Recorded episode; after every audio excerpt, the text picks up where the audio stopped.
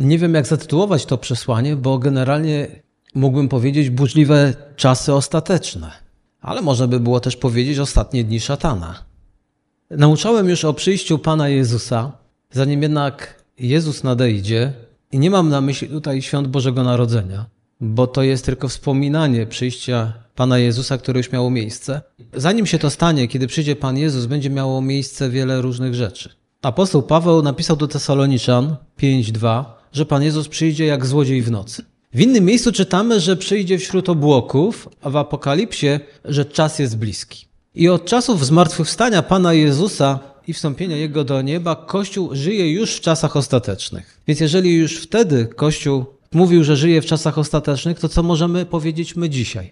W Apokalipsie czytamy, że niektórzy chrześcijanie bardziej troszczyli się o sprawy ziemskie niż o sprawy duchowe. No i tacy chrześcijanie żyją również dzisiaj.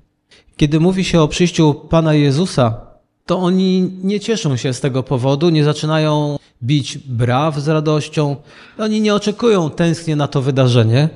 Dobra nowina o tym, że śmierci już nie będzie, że, że choroby już nie będzie, że nastanie Boże panowanie, wcale nie wyzwala i to w chrześcijanach w dużej mierze radości. Nie wiem dlaczego, dlatego że to jest wspaniała, dobra nowina. Zdecydowanie lepsza niż wspominanie przyjście Pana Jezusa w Betlejem, bo to już było. Cieszymy się z tego, jak najbardziej i powinniśmy, ale chrześcijanie wiedzą, że będzie drugie przyjście Pana Jezusa i na to drugie się już nie cieszą?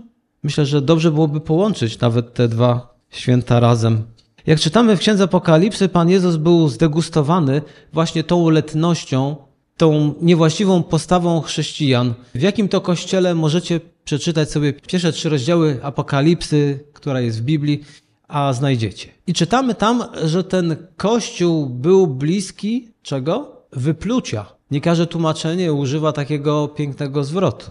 Jezus powiedział im, że nie są bogaci, bo za takich się uważali, ale powiedział im, że są nędzarzami i biedakami. Wręcz mówi, jesteście pożałowania godni. Więc Pan Jezus zganił ich za brak zainteresowania sprawami duchowymi i wtedy usłyszeli takie słowa. Apokalipsa, trzeci rozdział, 19 i 20 werset, a może nawet 17, bo już o tym powiedziałem, ale teraz przeczytamy. Ponieważ mówisz, bogaty jestem i wzbogaciłem się i niczego nie potrzebuję, a nie wiesz, żeś pożałowania godzien nędzarz i biedak, ślepy i goły. Radzę ci, abyś nabył u mnie złota w ogniu wypróbowanego, abyś się wzbogacił i abyś przyodział szaty białe, aby nie wystąpiła na jaw haniebna nagość twoja oraz maści, by nią namaścić oczy twoje, abyś przejrzał. Wszystkich, których miłuje karce i smagam, bądź więc gorliwy i upamiętaj się. I bardzo znany werset. Oto stoję u drzwi i kołaczę. Jeśli ktoś usłyszy głos mój i otworzy drzwi, wstąpię do niego i będę z nim wieczerzał, a on ze mną. Taka postawa chrześcijan, bo to o nich jest mowa, czyli taka obojętność na sprawy duchowe, charakteryzuje również chrześcijan i dzisiaj. Nie mówię, że wszystkich, ale na pewno takich znajdziemy. Trudno jest wymagać gorliwości od niechrześcijan, więc to słowo jest adresowane do ludzi wierzących. Jezus chce do nich mówić, zobaczcie, a oni nie chcą słuchać Jezusa. Dlatego znajdujemy takie słowa: Oto stoję u drzwi. Bardzo często używane do ewangelizacji, kiedy poselstwo głosi się do osób niewierzących. Ale prawda jest taka, że ten fragment dotyczy osób wierzących. Ten kościół nie był zainteresowany poselstwem Pana Jezusa. Są środowiska chrześcijańskie, które dużo mówią o tym, że są chrześcijanami, nawet mogą dużo mówić o Panu Jezusie. Ale wiecie, że to jest za mało. Jezus chce nie, żeby o nim dużo mówić i o tym, żeby mówić, że się jest też chrześcijanami, więc na przykład obnosić się z krzyżami, nie wiem, z jakimiś flagami, ale Jezus mówi tutaj wyraźnie, że chce, abyśmy Jego słuchali. To jest coś innego niż mówienie o Panu Jezusie. Dlatego, że o Panu Jezusie bardzo wiele osób mówi. A różne rzeczy oczywiście. Ale ilu z tych osób, które mówią o Jezusie, słucha Jezusa? I Jezus tutaj coś mówi, bądź gorliwy. Przy okazji powiem, że padają tutaj słowa, które mogłyby się dzisiaj wielu ludziom nie spodobać. Mogliby powiedzieć, nie są poprawne na te czasy. Do wierzących? Pożałowania jesteś godzien? Nędzarz, biedak, ślepy, goły? Przecież mamy już takie poselstwo w niejednym kościele, co my mamy w Chrystusie. Ile to błogosławieństw Ile rzeczy. Tam nie ma już miejsca na mówienie o takich sprawach. To prawda, chrześcijanie nie wiedzą, co mają w Jezusie Chrystusie, ale niektórzy nie mają gorliwości i o to tutaj chodzi. A obietnice w Biblii są uwarunkowane. Ale też może być inna postawa odnośnie przyjścia Pana Jezusa. I skrajna. Drugi list do Tesaloniczan, drugi rozdział i pierwsze dwa wersety. Co się tyczy przyjścia Pana naszego Jezusa Chrystusa i spotkania naszego z Nim, prosimy Was, bracia i siostry, aby nie tak szybko byście się dali zbałamucić i nastraszyć, czy to przez jakieś wyrocznie, czy przez mowę, czy przez list, rzekomo przez nas pisany, jakoby już nastał Dzień Pański. W historii znane są przypadki, że chrześcijanie już przestawali pracować. Po co iść do pracy, jak Pan Jezus przychodzi? Po co dom budować? Przecież w to trzeba inwestować siły, czas, przecież lepiej usiąść i się modlić, śpiewać pieśni. Pan Jezus przychodzi. Według Biblii jest to również niewłaściwa postawa. Byli tacy, co się dali oszukać już w tamtych czasach. Jakoby już Dzień Pański nastał. Jezus przyszedł.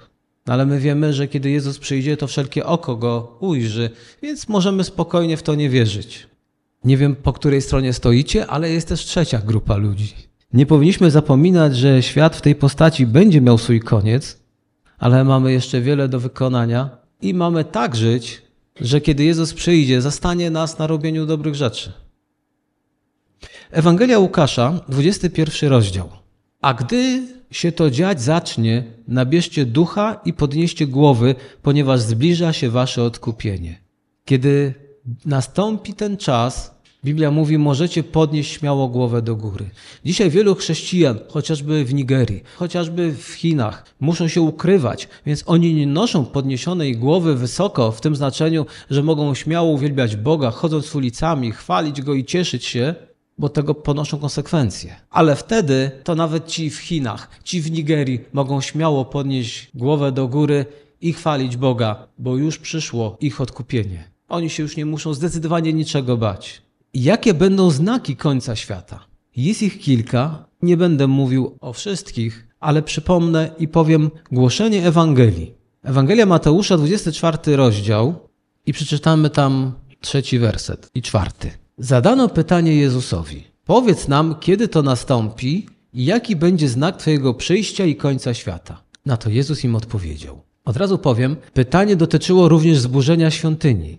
I zaraz potem było pytanie o przyjście Pana Jezusa i o koniec świata. Dlatego też niektórzy mogą się pogubić. Dlatego, że odległość czasowa jest ogromna. Zburzenie świątyni nastąpiło już parę lat tam później, chyba w 70 roku. No ale jeszcze przyjście Jezusa nie nastąpiło. Więc Jezus odpowiada na te wszystkie pytania razem. Świątynia została zniszczona i nie musieli na to zbyt długo czekać, jednak na przyjście Pana Jezusa Chrystusa to oni się nie doczekali. My nadal czekamy. Jezus wspomina tutaj o kilku różnych znakach i jest między innymi głoszenie Ewangelii. Czternasty werset z tego rozdziału. A ta Ewangelia o Królestwie będzie głoszona po całej ziemi, na świadectwo wszystkim narodom i wtedy nadejdzie koniec. Nie jest to obietnica, że każdy człowiek otrzyma szansę usłyszenia Ewangelii. Z tego, co mi się wydaje, to zdecydowana większość narodów i grup etnicznych już usłyszała Ewangelię. To w ostatnich dziesięcioleciach głoszenie Ewangelii poczyniło ogromny postęp. Myślę, że do tego postępu przyczyniły się też media. W krajach na przykład islamskich, kiedy mają na dachach anteny, a widziałem to osobiście, że chata ledwo stoi, ale antena satelitarna jest. Okazuje się, bo składają takie świadectwa, że szukając różnych tych kanałów, natrafiają na ten jeden kanał, który założył pewien chrześcijanin, który nadaje Ewangelię do muzułmanów. I mają świadectwa nawróceń. Więc myślę, że różne sposoby, kiedy docierają osobiście, kiedy docierają przez media, przez internet, przez satelitę, sprawiły, że dzisiaj te wszystkie grupy chyba mają już dostęp do Ewangelii. Jezus powiedział, że musi być głoszona Ewangelia po całej ziemi na świadectwo wszystkim narodom, a wówczas nadejdzie koniec. Więc wydaje się, że koniec jest bardzo bliski. Nie zdziwiłbym się, żeby on nastąpił naprawdę rychło. Od razu chcę powiedzieć, że pewne wydarzenia, one mogą bardzo przyspieszyć. Nawet te w Biblii, które są wymieniane, nic nie stoi na przeszkodzie, żeby one przyspieszyły, tak jak technologia. Tak przyspieszyła, że my się już gubimy. Jakie są jeszcze znaki? Jezus wymienia ich kilka, ale ja bym chciał przejść do Antychrysta. Więcej o nim, jak Bóg pozwoli, to za tydzień, a teraz trochę tytułem wstępu. Można zobaczyć, że po dniach, a nawet wiekach głoszenia Ewangelii na świadectwo narodom, przyjdzie czas nieszczęść. Więc są też znaki, które mówią o przyjściu Antychrysta. Oczywiście Biblia mówi o znakach, które wskazują na przyjście Pana Jezusa i jest to również Antychryst, ale również możemy spojrzeć, jakie są znaki, więc możemy się spodziewać również przyjście Antychrysta. Biblia mówi, że przyjdzie czas nieszczęść. I oczywiście nieszczęścia były do tej pory, ale teraz nastąpi ich nasilenie. Są to dni wielkiego ucisku ludzi wierzących. Nie tylko będą prześladowani z zewnątrz, ale również nastąpi prześladowanie z wewnątrz. Bo Biblia mówi o tym, że pewni ludzie odpadną od wiary i będą też gnębić wierzących. Pierwszy list do Tesaloniczan, drugi rozdział, werset trzeci. Niech was w żaden sposób nikt nie zwodzi, bo dzień ten nie nadejdzie, dopóki nie przyjdzie najpierw odstępstwo i nie objawi się człowiek grzechu, syn zatracenia. Widzimy więc, że będzie wielkie odstępstwo. Przyjdzie najpierw odstępstwo, a tego, nazwijmy to ruchu, głową będzie albo przywódcą będzie antychryst. Takie zwroty jak wielkie odstępstwo, wielki ucisk, władza antychrysta mówią nam o okresie, który bezpośrednio poprzedza nadejście Chrystusa. Przeczytajmy Ewangelię Łukasza, 17 rozdział, od 26, a nawet dla informacji naszej może od 20.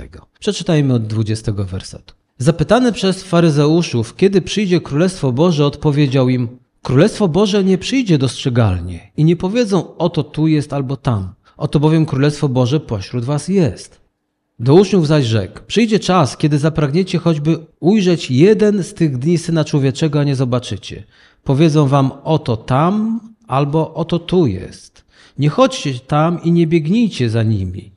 Bo jak błyskawica, gdy zabłyśnie, świeci od jednego końca widnokręgu aż do drugiego, tak będzie z synem człowieczym w dniu jego. Wpierw jednak musi wiele wycierpieć i być odrzucony przez to pokolenie. Jak działo się za dni Noego, tak będzie również za dni Syna Człowieczego. Jedli, pili, żenili się i za mąż wychodzili, aż do dnia, kiedy Noe wszedł do Arki. Nagle przyszedł potop i wygubił wszystkich. Podobnie jak działo się za czasów Lota, jedli i pili, kupowali, sprzedawali, sadzili i budowali. Lecz w dniu, kiedy Lot wyszedł z Sodomy, spadł z nieba deszcz ognia i siarki i wygubił wszystkich. Tak będzie w dniu, kiedy Syn Człowieczy się objawi. Wiele treści jest w tym fragmencie, ale my przechodzimy do naszego tematu. Pan Jezus mówi o ludziach w końcowych czasach. Tak jak za dni Noego, tak i za dni Lota ludzie jedli, pili, żenili się, wychodzili za mąż, zajmowali się kupowaniem, to ich pasjonowało, no i nadal pasjonuje ludzi. Ale jeszcze budowaniem się zajmowali, sprzedażą.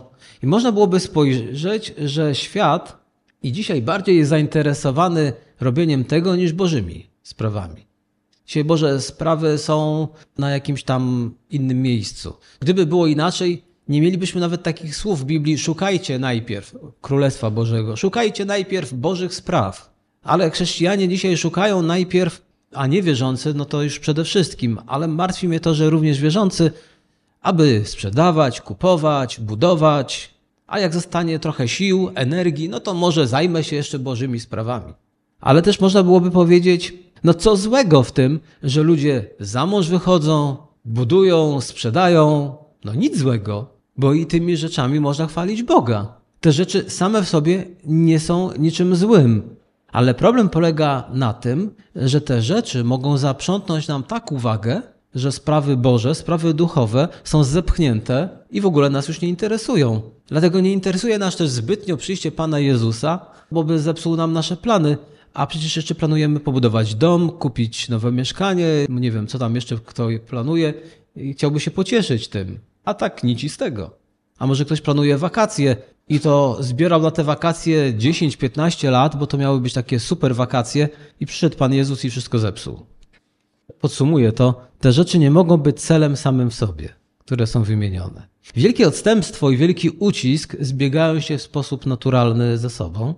Ale może ktoś też powiedzieć, przecież chrześcijanie ucisku doświadczają już od setek lat. No i warto zwrócić uwagę, że Pan Jezus tutaj mówi o innym ucisku, o ucisku w owych dniach. Więc nie chodzi to o taki ucisk, jak chrześcijanie mieli 300, 500 lat temu, 1000 lat temu.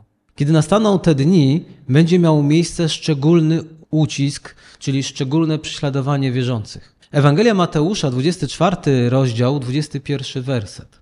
Będzie bowiem wówczas wielki ucisk, jakiego nie było od początku świata, aż dotąd i nigdy nie będzie.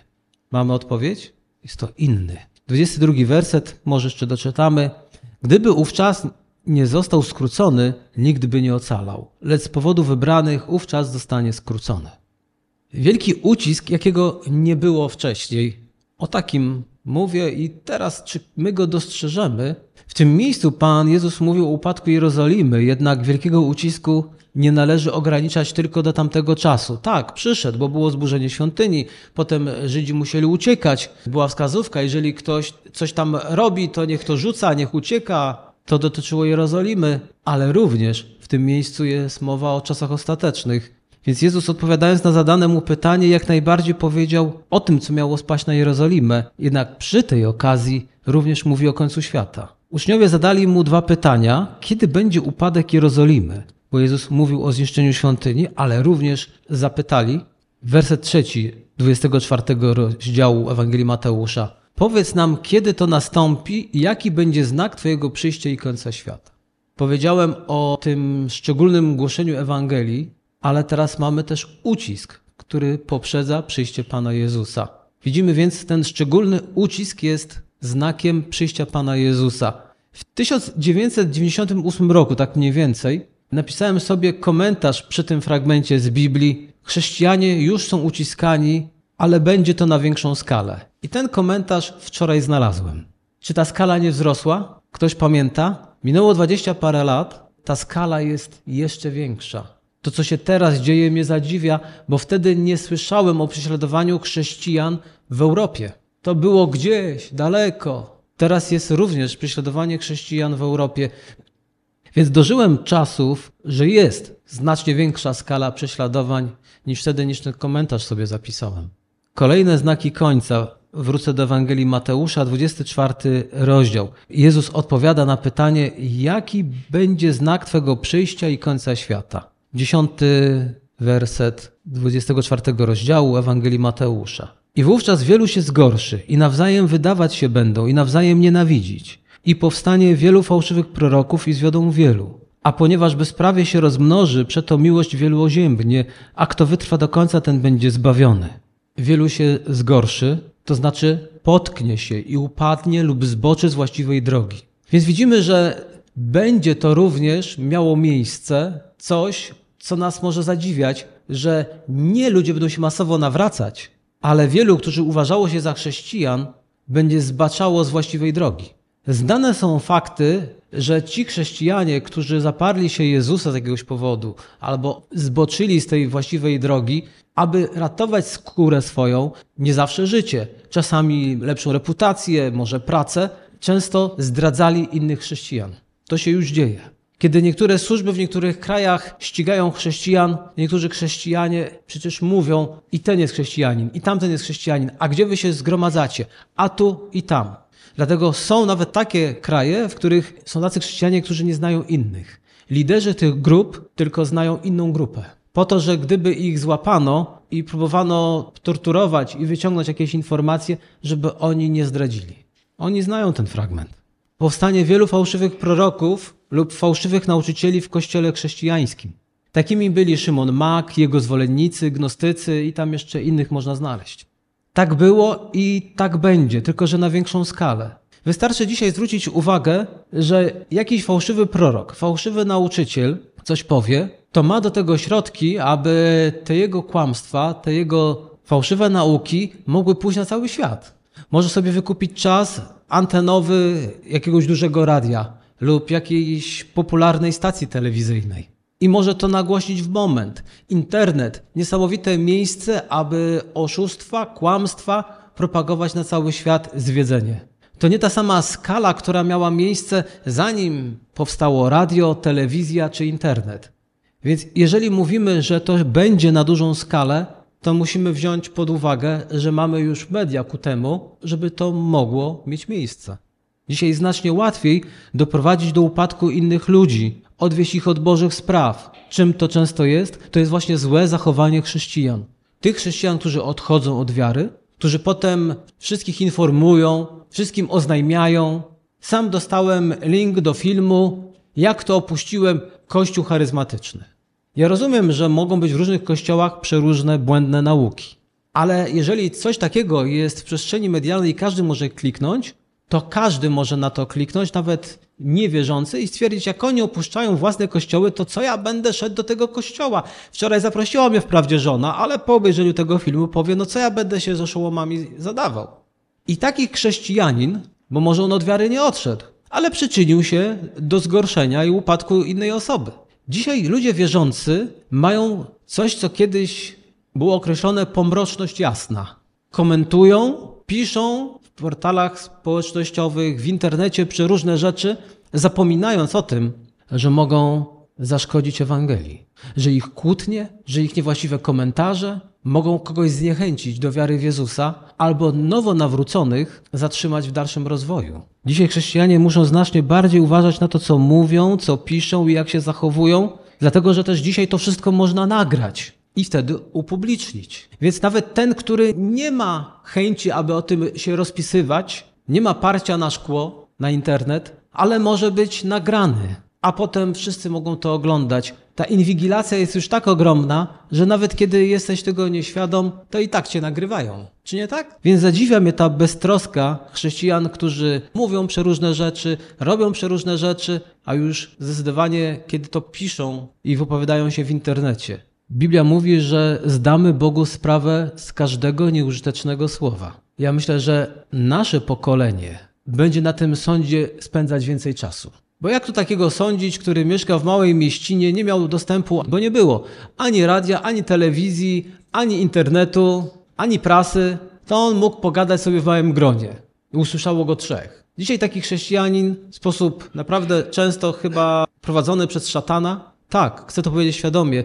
Są chrześcijanie, których Pan Bóg prowadzi i są chrześcijanie, których diabeł wykorzystuje i też prowadzi. Chociażby na manowce, chociażby takim pisaniem. I taki chrześcijanin coś tam palnie w portalu społecznościowym i już go nie trzy osoby czyta, ale sto. Z tych setki, ja mówię bardzo skromnie, prawda? Zaraz paru udostępni to dalej. Bóg będzie nas z tego wszystkiego rozliczał. Jakże dzisiaj chrześcijanie mają ogromne możliwości, aby te słowa pisać i wypowiadać, i pamiętajmy, że one się bardzo szybko rozchodzą po całym świecie.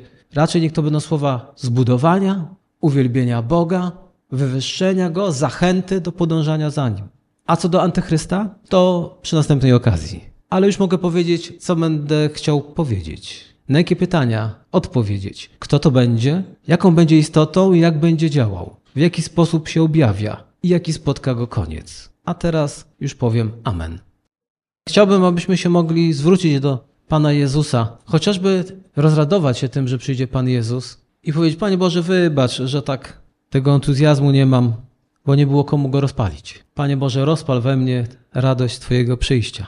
Ale również jest okazja powiedzieć, Panie Boże, wybacz, jeżeli coś piszemy, coś mówimy i wypuszczamy to, a nie jest to ku temu, aby budować i wywyższać Jezusa. Ja wiem, że niektórzy ukrywają się za tym tekstem. Tak, to jest ku zbudowaniu, że ja go tam napomniałem.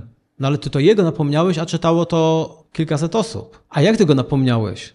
Jak ty mu zwróciłeś uwagę? A nie można byłoby zadzwonić, napisać? Tam są takie opcje jak priv. Ale nie, ktoś od razu musi na czyichś plecach się wywyższać. Jest okazja. Ja jestem przekonany, że tego nikt nie zrobił. Więc może poprośmy Pana Boga, aby Bóg jakoś zatrzymał tych, którzy to robią. Sami też próbujmy. Nieraz próbowałem to zatrzymać. Nieraz. Czasami byłem zmęczony zatrzymywaniem tych ludzi. Przecież to jest coś, co potem czytają setki. A takie gwiazdy, jak jesteś celebryci w świecie chrześcijańskim, jak coś chlapną, to jeszcze większe oddziaływanie. A chlapią. Panie Boże, dziękuję Ci, że Ty przychodzisz. Panie, rozraduj nasze serca tym, że przyjdzie czas wyzwolenia, uwolnienia. Przyjdzie czas uzdrowienia pełnego i przyjdzie czas Twojej obecności, szczególnej obecności. Daj nam, Panie, tęsknie wyczekiwać tego przyjścia i cieszyć się już teraz, radować się tym, co nastąpi. Ale również każdego dnia chcemy wykonywać nasze obowiązki tak, jak należy. Robić to, co jest słuszne i właściwe i cieszyć się tym życiem, które nam dałeś. Daj nam również mądrość, Panie, w mówieniu, w pisaniu, w komunikowaniu, tak abyśmy nigdy nie byli przyczyną czyjegoś zniechęcenia do zaufania Tobie, czy też w podążaniu za Tobą, ale wręcz odwrotnie, abyśmy to, co mówimy, piszemy i czynimy, było zawsze zachętą dla innych do trwania w wierze, do naśladowania Cię każdego dnia, do uwielbiania Ciebie.